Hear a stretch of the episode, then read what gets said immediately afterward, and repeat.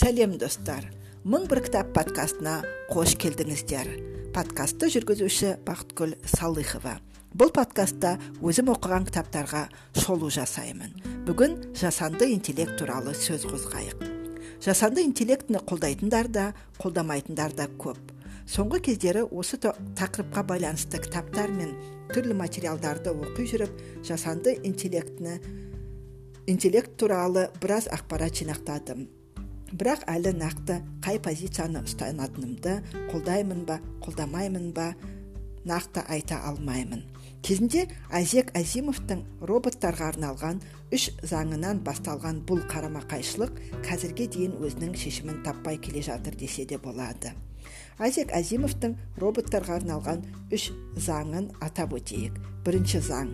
Робот адамға зиян келтіре алмайды. Немесе өзінің әрекетсіздігімен адамға зиян келтіруге жол бере алмайды. Екінші заң.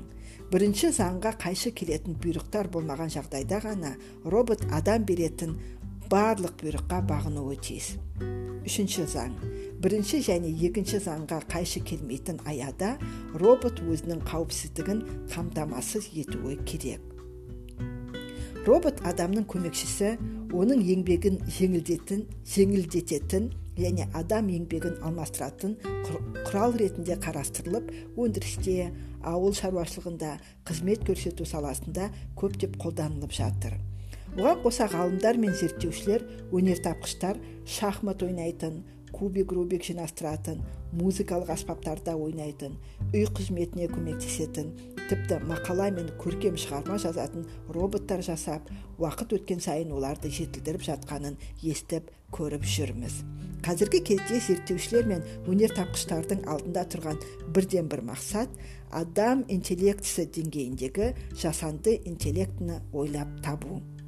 Жасанды интеллект ағылшын тілінде artificial intelligence ақылды технологиялар заманынан заманын тудырды. Және ол тоқтаусыз әрі қарай дамып барады дами береді. Қазірдің өзінде жасанды интеллект қолданатын бағдарламалар неше түрлі нәрсені жасайды. Дауысты тану арқылы сөздің аудармасын мағынасын тауып береді сурет салады хат алмасу барысында сізге көмекші болады. Адамды суреті арқылы анықтайды. Оған қоса медициналық жасанды интеллектілер де бар. Оксфорд университеті философия факультетінің профессоры және адамзаттың болашақ институтының директоры ник бостромның жасанды интеллект кітабы 2014 жылы жарық көрді. Бұл кітабында ол түрлі саланың сарапшыларына мына сұраққа жауап берулерін сұрайды. Адам деңгейіндегі жасанды интеллект қашан пайда болады? Бұл жерде деңгей дегеніміз орташа статистикалық адамның мамандықтардың басым бөлігін меңгере алу қабілеті. Осы сұраққа жауап іздей отырып автор өз қорытындысын жасайды және ол адамдарды қуанта қоятынына сенімсізбін.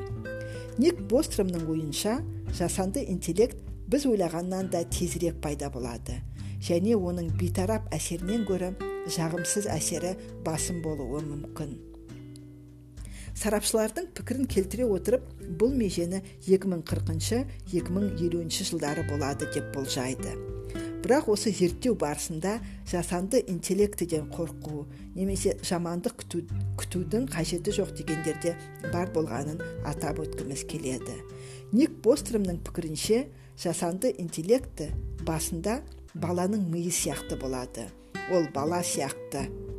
Ол да үйреніп дами береді. Тоқтаусыз өзін өзі жетілдірудің арқасында жасанды интеллект супер интеллектке айналады. Сондықтан өз қателіктерінің негізінде үйреніп жетілетін интеллект жасау маңызды. Жасанды интеллектіні қарны ашу ыстығы көтерілу жарақат алу өміріне қауіп төну немесе балалы болғысы келу тағы сол сияқты нәрселер қызықтырмайтыны айдан анық. Айта кетейік америкалық ғалым джон серл робот машиналарда сана сезім пайда болуы мүмкін емес деп есептейді. Өйткені сана сезім пайда болу үшін адамның миында болып жатқан процестерге ұқсас физикалық химиялық процестер қажет. Дегенмен бостром уақыт өте келе супер интеллект тек құрал болудан қалады. Өзінің қажеттіліктері бар тіршілік иесіне айналады деп жорамалдайды. Және адамзатты сақтау оның бірден бір мақсаты болмауы да мүмкін екенін атап өтеді. Кітаптың алдыңғы беттерінде торғай туралы аңыз келтіріледі. Қысқаша баяндасақ баяғыда торғайлар өз жауларынан қорғану үшін көмектесетін шапалақ болса қандай жақсы болатынын айтып шықылықтайды. Оны торғайлардың ең үлкені пастус қолдап жапалақтың жұмыртқасын не ұядан құлап қалған балапанын алып келуге жан жаққа шабармандар жібергісі келеді. Сонда олардың ішіндегі скронфикл атты торғай бұл әрекетке күмәнмен қарап ең алдымен жапалақтарды қолға үйрету жолдарын байыппен зерттеуіміз керек дейді. Бірақ пастус жапалақтарды қолға үйрету оңай шаруа емес ал оның жұмыртқасын табу одан да қиын. Сондықтан алдымен жұмыртқаны тауып басып шығайық. Содан кейін тәрбиелеу мәселесін қарастырамыз дейді. Сөйтіп торғайлай сөйтіп торғайлардың көп бөлігі жолға шығады. Оларға ермей сол жерде қалғандары да болады. Қалғандары жапалақты қалай қолға үйретуге болатынын зерттеумен айналысады. Ол оңай болмайды.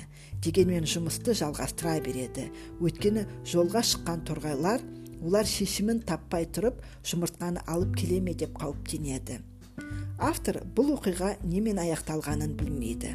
Бірақ бұл кітабын скронфикл мен оның ізбасарларына арнайды. Адамның қолымен жасаған нәрсе адамзатты жоюға алып келеді деуге сенгің келмейді. Бірақ адам өзі жасаған машиналарды бақылау тексеру мәселелерімен жан жақты айналыспаса оқиғаның қалай өрбіп кететінін айту қиын болатыны сөзсіз. Иә жасанды интеллект кітабы оңай кітап емес. Әр адам оқи бере бермейді. Кейбір саланың мамандары ғана оқып қызығуы мүмкін. Бірақ жасанды интеллект туралы түсінік әр адамда болуы керек. Сонымен бүгін мың бір кітап подкастының тағы бір хабарын тыңдадыңыздар. Сіздермен бірге болған бақытгүл салыхова. Сұрақ қойыңыздар кітап қызық болса алып оқыңыздар. Өздеріңізге әсер еткен кітаптармен бөлісіңіздер. Келесі кездескенше күнде кітап оқиық кітап оқудан жалықпайық ойымыз өсіп танымымыз кеңейе берсін.